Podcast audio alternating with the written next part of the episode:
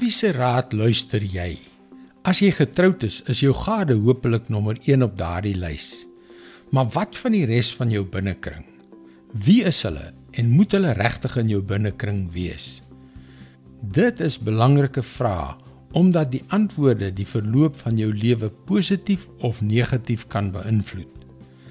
Hallo, ek is Jockey Gouchee vir Bernie Diamond en welkom weer by Vars.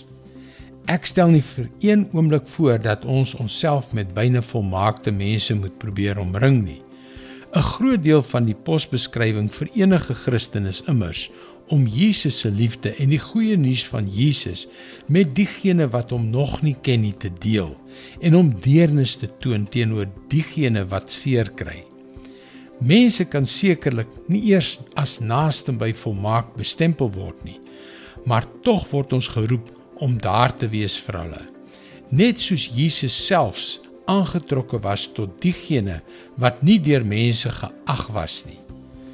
Maar wees tog versigtig want as jy te na aan die verkeerde mense kom, kan dit jou ruïneer. Spreuke 13 vers 20. Hy wat met wyse mense meng, verkry self ook wysheid.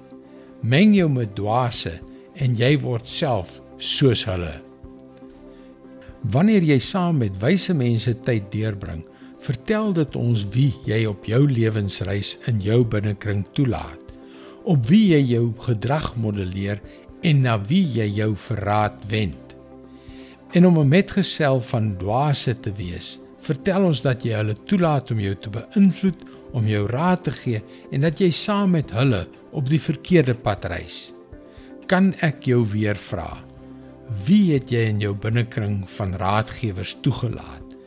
Dink aan die gesig van elkeen van die mense in jou binnekring en vra jouself of hierdie persoon wys of dwaas is.